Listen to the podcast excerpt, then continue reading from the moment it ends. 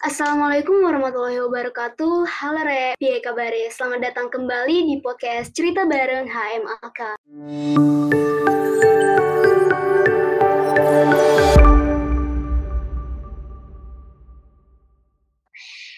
Kali ini tentunya nggak bakalan kalah seru dengan episode sebelumnya, di mana kita akan membahas tentang sebuah isu panas. Nah, kita bakalan bahas apa sih?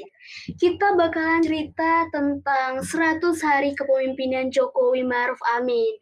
Wah, bakalan seru nggak tuh? Aku Sinta Polnes Tumorang, juga ditemani dengan teman-teman HMAK lainnya. Ada siapa aja? Langsung aja kita sapa.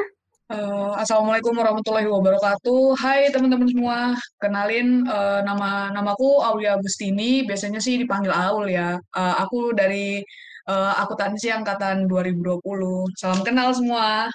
Hai semuanya, aku Fahmi Ulum, bisa dipanggil Ulum dari angkatan 2019 akuntansi UPN Veteran Jawa Timur. Nah, untuk sebelumnya Jangan lupa kunjungi juga di cerita bareng bareng HMAK di segala platform yang ada di internet maupun Spotify, Apple Music atau Google Music untuk mengikuti bagaimana cerita bareng cerita bareng HMAK menjadi salah satu proker yang ada untuk sekarang. Oke, okay, uh, eh, tadi kita udah kenalan sama teman-teman HMAK. Gak terasa ya teman-teman, pemerintahan Joko Widodo Maruf Amin ternyata sudah menginjak usia 100 hari sejak dilantik pada 20 Oktober 2019 yang lalu. Ya kalau kita hitung-hitung sampai sekarang, kira-kira ada 150-an hari lah Lo kenapa kita harus membahas 100 hari kepemimpinan Jokowi Maruf Amin? Padahal kan kepemimpinannya masih berlanjut nih sampai lima tahun ke depan. Karena 100 hari kepemimpinan Jokowi Maruf Amin ini akan mencerminkan apa yang akan terjadi di kepemimpinan lima tahun ke depan. Bahkan dalam 100 hari kepemimpinan Jokowi Maruf Amin tersebut, kita melihat nih ada banyak hal-hal menarik yang kerap sekali menjadi perbincangan hangat di kalangan masyarakat. Tidak dapat kita pungkiri ya teman-teman, ada banyak sekali program kerja Jokowi Maruf yang menuai pujian karena memberikan hasil yang cukup memuaskan. Namun banyak juga yang ternyata menuai penolakan. Mayoritas terkait beberapa kebijakan-kebijakan uh, kontroversial yang memicu gerakan uh, kontroversial dari masyarakat juga. Nah, beberapa kebijakan-kebijakan tersebut menuai gerakan demonstrasi dari masyarakat. Salah satu yang paling menggemparkan pada masanya, kalau teman-teman masih ingat, yaitu terkait penolakan rancangan Undang-Undang Cipta Kerja sampai-sampai diselimuti uh, aksi anarkis antar aparat dengan demonstran. Nah, kalau menurut teman-teman yang lain, bagaimana nih menurut pendapat teman-teman terkait 100 hari kepemimpinan Jokowi Maruf Amin tersebut? Uh, ya uh, luar biasa sekali ya.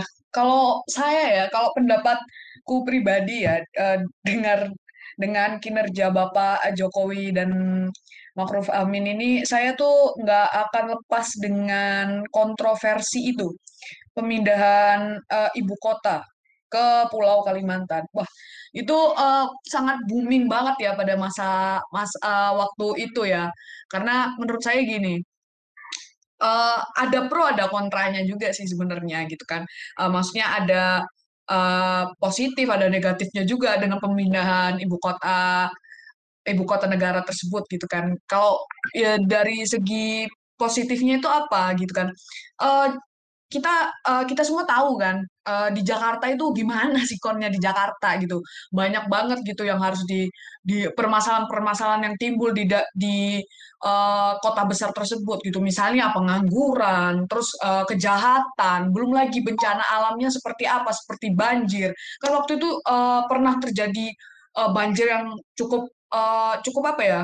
Ibaratnya cukup uh, luas lah pada saat itu gitu uh, sampai uh, istana kepresidenan waktu itu uh, masuk gitu airnya gitu kan. Mungkin uh, di situ Pak Jokowi berpikir bagaimana sih uh, supaya apa ya?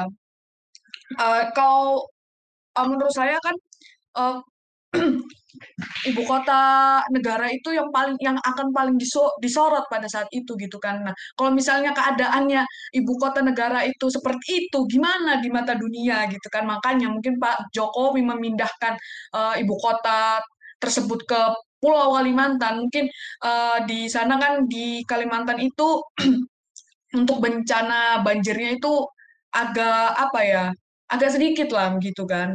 Nah, kalau sisi negatifnya itu, nah pertama, ne, kalau memindahkan ibu kota negara ke sana, otomatis apa ya perlu biaya lagi gitu kan uh, untuk pembangunannya di sana gitu kan.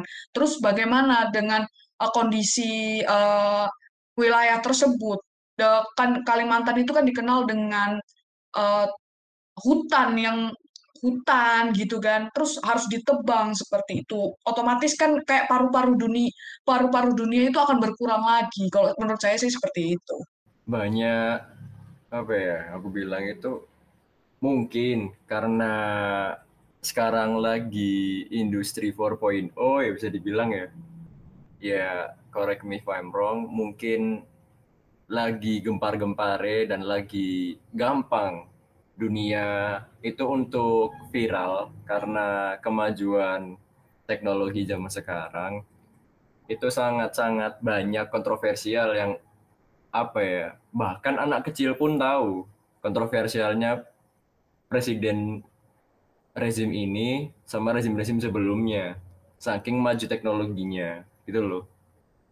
Ya sama yang kayak dibilang Aul 100 harinya itu sangat-sangat kontroversial itu salah satunya memindahkan ibu kota yang dari Jakarta ke Kalimantan. Itu apalagi di kala pandemi ini yang di luar ekspektasi semua semua orang ya bisa dikatakan banyak pro kontra yang sangat-sangat kontroversial apalagi Kalimantan dengan keindahannya dan segala macam apa ya kayak pertambangan dan lain-lain apakah bakal mudah untuk Pak Jokowi atau Pak Maruf Amin mem meminimalisir ya kontra yang ada di Kalimantan dan lain-lain.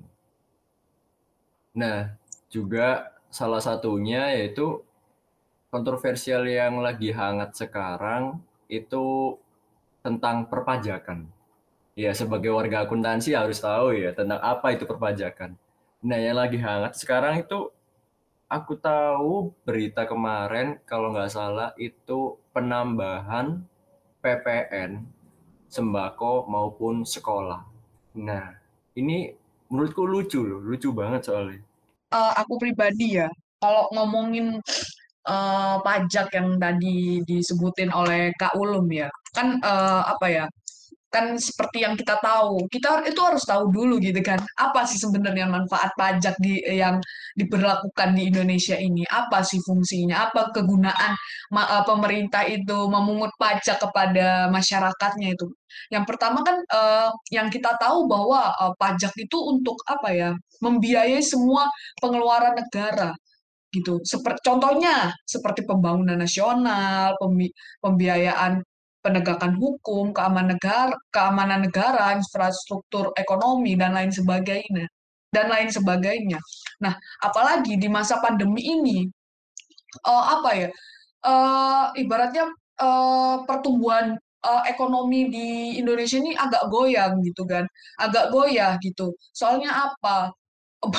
lebih banyak pengeluaran daripada pemasukan. Jadi negara kita ini uh, ibaratnya agak susah sekarang gitu. Makanya kenapa kok uh, pemerintah itu menetapkan pajak gitu? Karena apa ya? Untuk uh, buat menutupi gitu kan, untuk menutupi kekurangan yang yang harus mereka berikan kepada masyarakat. Toh uang pemungutan pajak itu juga untuk ke masyarakat gitu kan. Kayak misalnya untuk uh, jaminan kesehatan, untuk pendidikan, kan itu diambil dari uh, pajak tersebut. Uh, iya, memang masuk akal sih kalau pemerintah mengenakan PPN uh, untuk jasa pendidikan tadi untuk menutupi kekurangan ekonomi.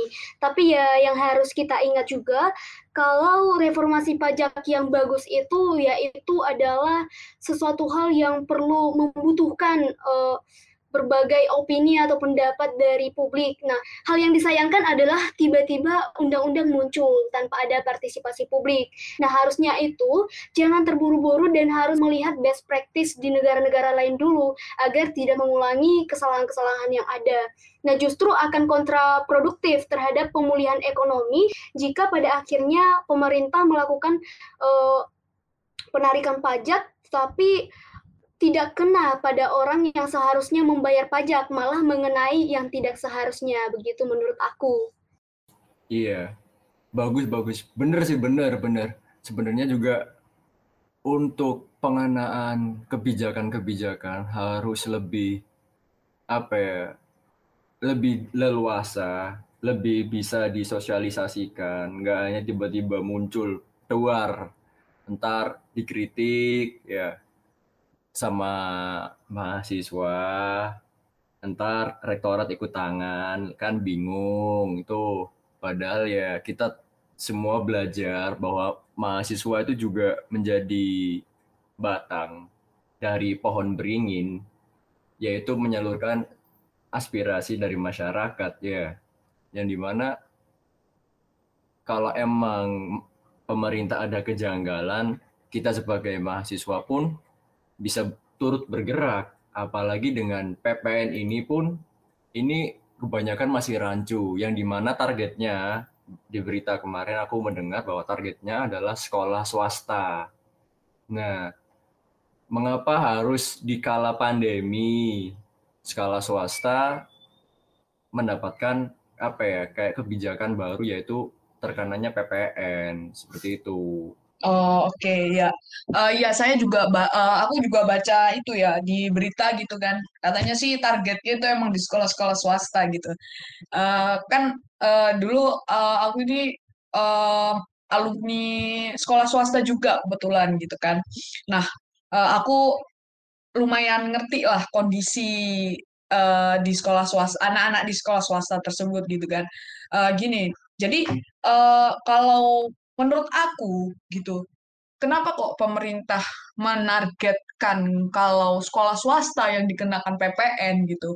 Karena gini eh, rata-rata ke apa ya ibaratnya kebanyakan anak-anak yang masuk ke sekolah swasta itu anak-anak yang uh, notabene uh, berasal dari keluarga yang Eh, standar ekonominya di atas gitu. Jadi uh, mereka para orang tua itu sudah apa ya ibaratnya udah memperincikan berapa sih pengeluaran yang harus dibayarkan di sini. Apalagi kan kalau misalnya kita mau daftar ke sekolah swasta, itu kan udah dikasih tahu uang DPP-nya, SPP-nya per bulan, apa aja yang harus dikeluarin, itu kan udah dirinci gitu. Jadi mereka sudah punya bayangan gitu kan. Udah punya bayangan kalau oh pengeluarannya sebulan segini gitu kan. Terus apalagi ditambah dengan PPN tersebut, otomatis uh, pihak sekolah juga akan bekerja sama dengan pemerintah gitu kan. Uh, dan akan uh, apa ya menginformasikan kepada uh, wali siswa tersebut gitu uh, bahwa uh, rincian pembayarannya itu ditambahkan lagi dengan adanya uang de, uh, uang PPN gitu kan. Nah, mereka yang anak-anak yang masuk ke sekolah swasta ini yang tadi saya bilang itu termasuk dari anak-anak yang berada di ekonomi kalangan ke atas gitu uh, menurut saya uh, pasti mema pasti menyanggupi hal tersebut gitu kan. Pasti mereka mikir ya udahlah mau gimana lagi ketimbangan aku nggak sekolah? Kan gitu orang tua kan mikir kayak gitu gitu kan. Terus uh, pemerintah juga akan melihat-lihat gitu kan sekolah swasta gitu yang akan mereka kenakan target uh, eh, PPN-nya itu berapa gitu. Nggak mungkin kan mereka ngeli uh, maaf kan sekolah swasta itu nggak cuma sekolah yang dilihat megah doang dari depan. Pasti ada juga uh, beberapa sekolah swasta yang uh, terlihat fisiknya itu biasa saja. Pemerintah juga pasti uh, akan mengira-ngira berapa yang cocok untuk dikenakan PPN di masing-masing sekolah swasta tersebut. Kalau menurut saya seperti itu. Uh, iya sih, kalau berdasarkan tadi ya Mas Ulum mengatakan kenapa ya harus di masa pandemi. Mungkin ya melihat dari sisi pemerintah di masa pandemi ini kita tahu bahwa perekonomian dari Indonesia itu sangat merosot. Jadi uh, bagaimana caranya untuk memenuhi uh, kebutuhan ekonomi, pemerintah berusaha untuk memperluas basis objek pajak. Nah, di tanah air supaya meningkatkan pendapatan negara kembali. Nah, tapi ya kalau untuk mengenai sektor jasa pendidikan sebenarnya saya kurang setuju karena pada dasarnya prinsip penyelenggaraan pendidikan nasional itu dalam Undang-Undang Nomor 20 Tahun 2003 tentang Sistem Pendidikan Nasional, pendidikan itu harus diselenggarakan secara demokratis, berkeadilan dan tidak diskriminatif. Nah, yang ingin dipertanyakan ini Ya, walaupun pemerintah mengatakan uh, bakalan dikenai khususnya pada sekolah swasta, apakah pemerintah sudah yakin bahwa hal itu akan bersifat adil gitu? Apakah semua orang yang bersekolah pada sekolah swasta merupakan orang-orang yang benar mampu? Pada akhirnya uh, akan memperkecil kesempatan ya menurut saya untuk bersekolah di swasta yang notabene-nya memiliki kualitas yang lebih baik dibandingkan dengan sekolah sekolah-sekolah negeri pada umumnya gitu. Kalau menurut saya. Nah, benar kata Aul tadi sama Sinta.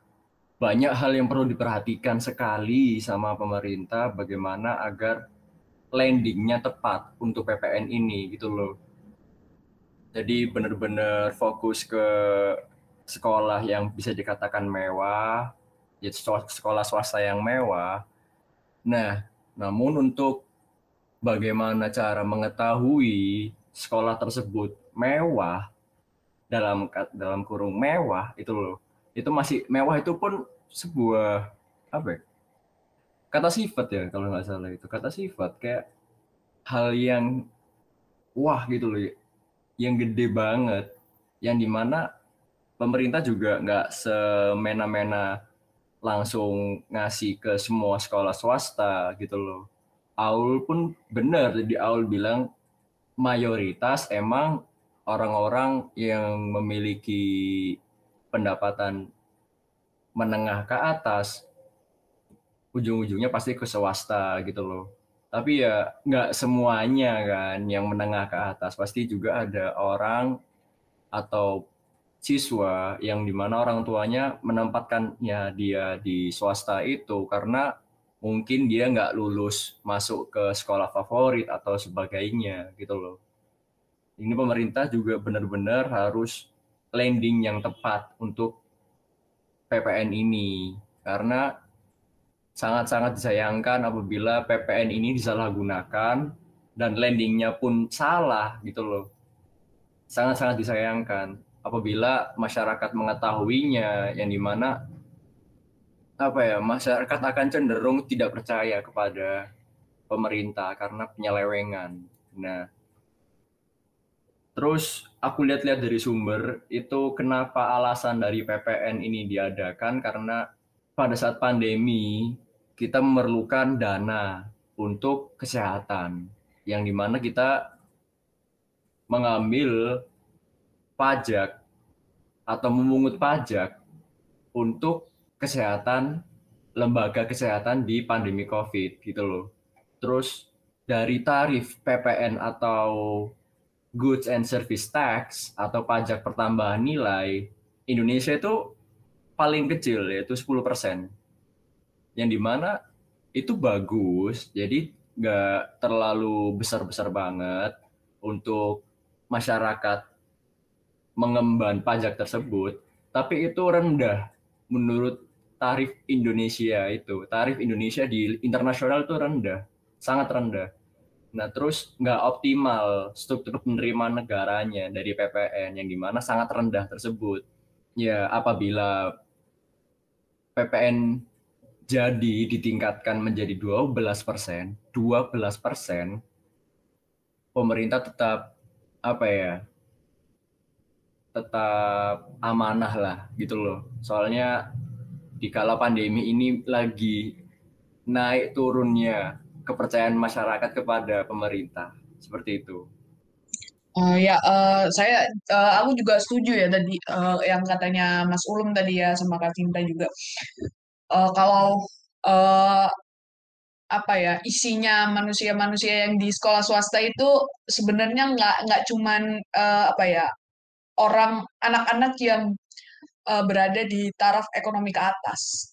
Uh, teman saya juga ada yang taraf di ekonomi ke bawah gitu gitu kan. Tapi setahu saya di uh, sekolah swasta sekarang ini uh, ada jalur uh, bidik misi gitu. Jadi uh, mereka meminta keringanan untuk membayar uang DPP, uang SPP gitu bisa gitu kan. Nah mungkin uh, dengan diadakannya uh, PPN di sekolah swasta ini uh, apa ya ibaratnya karyawan-karyawan yang ada di sekolah tersebut juga kepala sekolahnya juga bisa mempertimbangkan gitu kan oh ini anak-anaknya layak nggak sih untuk uh, membayar gitu kan pasti dilihat juga gitu kan uh, rincian peng, apa rincian pendapatan uh, orang tuanya gitu terus juga tadi yang dibilang Mas Ulum gitu kan uh, kalau pajak penghasilan di Indonesia ini termasuk yang paling kecil ya itu 10% gitu. Nah, mungkin karena itu pemerintah itu menerapkan uh, pajak ke uh, dunia pendidikan gitu. Karena apa? Untuk memperbaiki kondisi uh, perekonomian Indonesia aja gimana? Apakah cukup dengan pajak-pajak yang lain gitu? Untuk biaya uh, gaji pegawai aja berapa? Untuk di apalagi di tenaga medis. Kita perlu sekali banyak banget pengeluaran di uh, di tenaga medis gitu kan. Apalagi di kondisi pandemi seperti ini. Tapi kita juga harus apa ya kita juga harus ngelihat juga gitu di uh, sekolah swasta tersebut. Kenapa? Lah gaji kalau dari sekolah negeri gaji dari pemerintah gitu dari pemerintah daerah nah sedangkan yang di swasta kalau uh, pendapatan guru-guru di sana ya berdasarkan apa ya berdasarkan SPP dari teman-teman dari anak-anak sekolah tersebut gitu. Kalau misalnya uh, mereka telat bayar atau apa, otomatis juga mempengaruhi pendapat pendapatan guru juga gitu kan. Makanya mungkin uh, dengan adanya penetapan pajak di dunia pendidikan ini juga berpengaruh kepada negara untuk menstabilkan kondisi perekonomian, untuk membantu uh, apa biaya tenaga medis dan juga untuk biaya-biaya pendidikan di sekolah-sekolah negeri gitu. Oh iya, uh, aku juga baru-baru ini ada dengar sebuah podcast, podcastnya Sonara News Update uh, yang berbicara dengan Direktur Riset Core Indonesia, Bapak Peter. Nah, Bapak Peter ini mengatakan bahwa revisi undang-undang ini sebenarnya lebih mengedepankan perubahan sistem. Nah, dari sistem satu tarif menjadi multi tarif.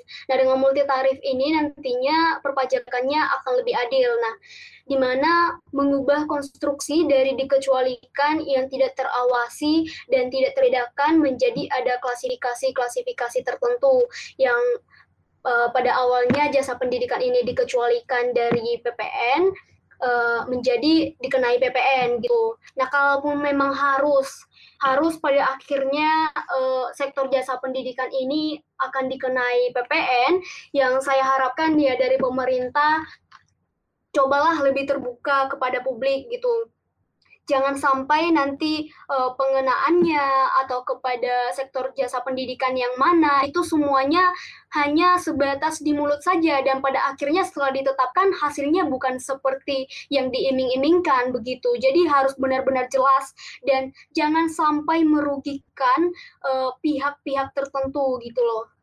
Um, mau nambahin dikit ya informasinya soal uh, pajak ini. Uh, kalau yang uh, saya baca gitu ini sebenarnya untuk penetapan pajak ya ini hanya uh, baru isu gitu, baru uh, ibaratnya bisa dibilang wacana saja gitu kan. Soalnya uh, yang kita ketahui kan pada rancangan Undang-Undang Nomor 6 tahun 1983 tentang ketentuan umum dan tata cara perpajakan pada pasal 4A dihapus dalam draft tersebut gitu kan.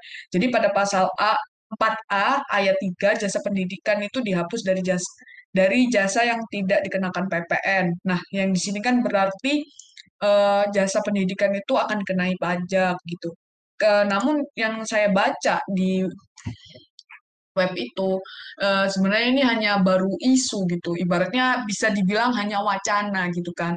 Nah karena mungkin karena isu tersebut isu tersebut itu muncul di masa pandemi seperti ini makanya timbullah kontroversi gitu antara pihak-pihak yang pro dan pihak-pihak yang kontra gitu. Tapi yang saya tahu yang saya baca kebanyakan emang yang uh, kebanyakan memang di kontra karena apa?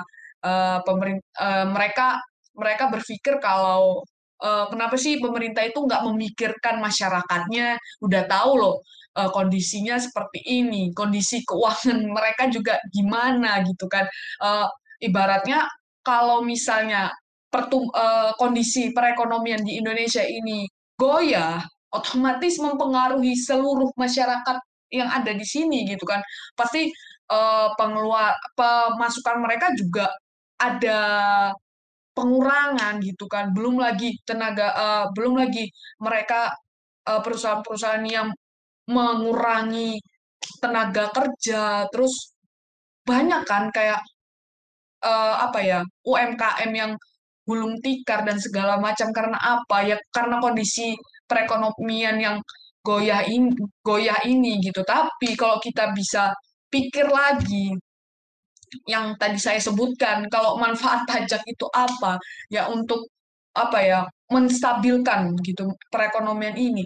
Sekarang kita lihat aja eh, pajak yang dikenakan pajak-pajak kayak pajak kendaraan pajak eh, penghasilan dan lain sebagainya apakah cukup untuk menutupi kekurangan yang ada di Indonesia ini? Gitu apakah cukup gitu? Iya apa ya ibaratnya kasar-kasarnya nih ya, kasar-kasarnya nih. Cukup beli permen lah gitu loh. Dikit dikit banget gitu, apalagi pandemi kayak gini tenaga medisnya bagaimana perlu uh, apa ya? Perlu masker, perlu ini, perlu itu, belum lagi buat bantuan-bantuan uh, masyarakat yang uh, kurang gitu kan. Nah, apa uh, kalau yang kalau di dunia kita di dunia mahasiswa ini kalau bantuan dari pemerintah itu ya dari kuota tadi dari kuota internet dikasih gitu. Nah tapi kan sekarang udah dikurangin gitu.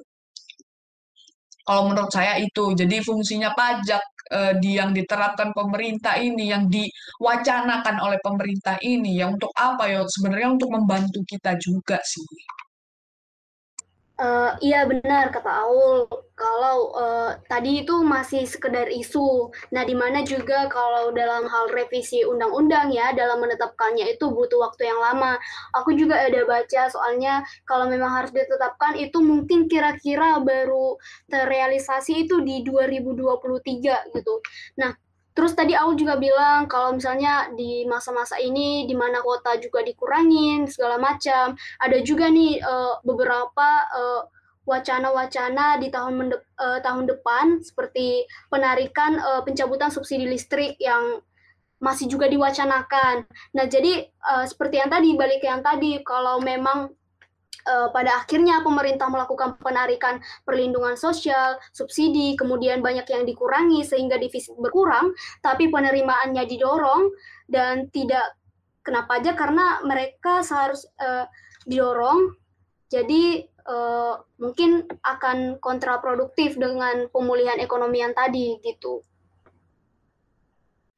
Ya, yang bisa kita harapkan sekarang yaitu agar pandemi ini cepat berakhir, terus agar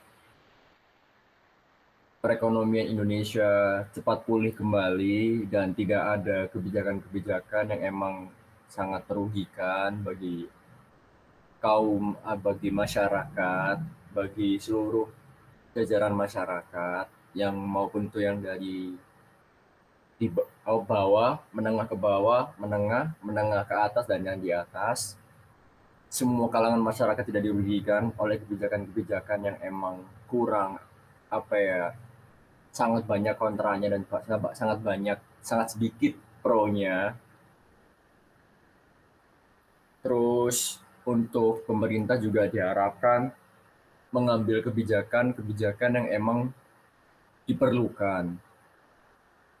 Entah itu sangat kontroversial untuk masyarakat, setidaknya disosialisasikan agar masyarakat tidak salah paham. Dan tidak ada permainan kata di dalamnya yang di mana masyarakat bisa apa ya kayak tertipu gitu loh. Akan soalnya gimana ya emang di Indonesia bisa dikatakan kita negara yang kurang literasi. Sebenarnya kita cukup untuk literasi tapi untuk pembuktian atau pembenaran suatu pernyataan kita kurang gitu loh. Mudah termakan hoax mudah tergiring opini yang emang itu tidak benar adanya gitu loh. Dan aku bisa berharap bahwa PPN ini kalau mungkin bisa membantu perekonomian Indonesia sih aku setuju namun bisa direvisi ulang lagi agar meminimalisir kerugian yang ditimpa oleh Indonesia dalam segi sosial atau segi budaya, segi yang lain-lainnya gitu. Uh, ya aku juga setuju sih tadi sama uh, Kak Sinta sama Pak Ulum. Uh, jadi pemerintah uh, nyari aman aja lah gitu, fair-fairan lah ya. Uh, ibaratnya kita mikir lagi, kita pikir ulang, kita pikir bareng-bareng apa yang maksudnya lebih banyak ruginya atau lebih banyak uh, apa ya labanya lah ibaratnya gitu. Uh, efeknya juga kita pertimbangkan, efek ke pemerintah, efek ke masyarakatnya juga harus kita uh, apa ya harus kita banyak-banyak kita pertimbangkan gitu. Tapi balik lagi, sebenarnya pemerintah ini hanya membuat isu, isu, isu, isu dan isu. Kebanyakan wacana, banyak wacana, wacana, wacana yang menyebabkan kontroversi gitu kan. Toh belum tentu juga uh, beneran dilaksanakan atau enggak gitu kan. Soalnya kan uh, apa ya? Jadi uh, kalau bisa saya bilang uh, masyarakat ini kebakarnya itu pada saat set keluar kabar seperti ini belum dibaca baik-baik udah kebakar itu udah mengkritik pemerintah gitu. Tapi kan yang benar ya benar tadi yang dibilangin Mas Ulung kita harus membaca lagi gitu kan. Banyak-banyak dibaca banyak-banyak yang dipahami supaya apa? Supaya tidak menimbulkan uh, kesalahpahaman gitu kan kalau menurut saya sih seperti itu. Iya, aku juga setuju tadi sama Mas Ulum dan uh, Aulia ya. Di mana ya semoga 50-50 lah saling menguntungkan tidak ada yang saling terugikan gitu. Jadi uh, tidak terasa ya teman-teman kita udah berbincang-bincang uh, kira-kira 30 menit uh, jadi dapat disimpulkan bahwa kita setuju apabila uh, memang harus PPN ini diberlakukan pada sektor jasa pendidikan, tapi dengan catatan bahwa uh, revisi tadi harus lebih dicermati lagi, harus lebih di diperhitungkan lagi untung ruginya supaya tidak ada yang merasa terugikan begitu. Jadi jangan terburu-buru ya yang tadi lihat lihat dulu apakah masyarakat setuju, apakah masyarakat sudah benar-benar mau begitu. Jadi harus benar-benar uh, tidak ada yang dirugikan tadi. Jadi begitu uh, sekian podcast untuk cerita bareng Hai Maka kali ini. Sampai jumpa di episode-episode selanjutnya. Uh, saya Sinta Paulina Setumorang, pamit undur diri. Uh, saya Aulia Agustini juga pamit undur diri. Terima kasih teman-teman. Saya Fahmi Ulu juga pamit undur diri. Jangan lupa episode, episode satunya didengarkan di Spotify dan media platform audio lainnya. Wassalamualaikum warahmatullahi wabarakatuh.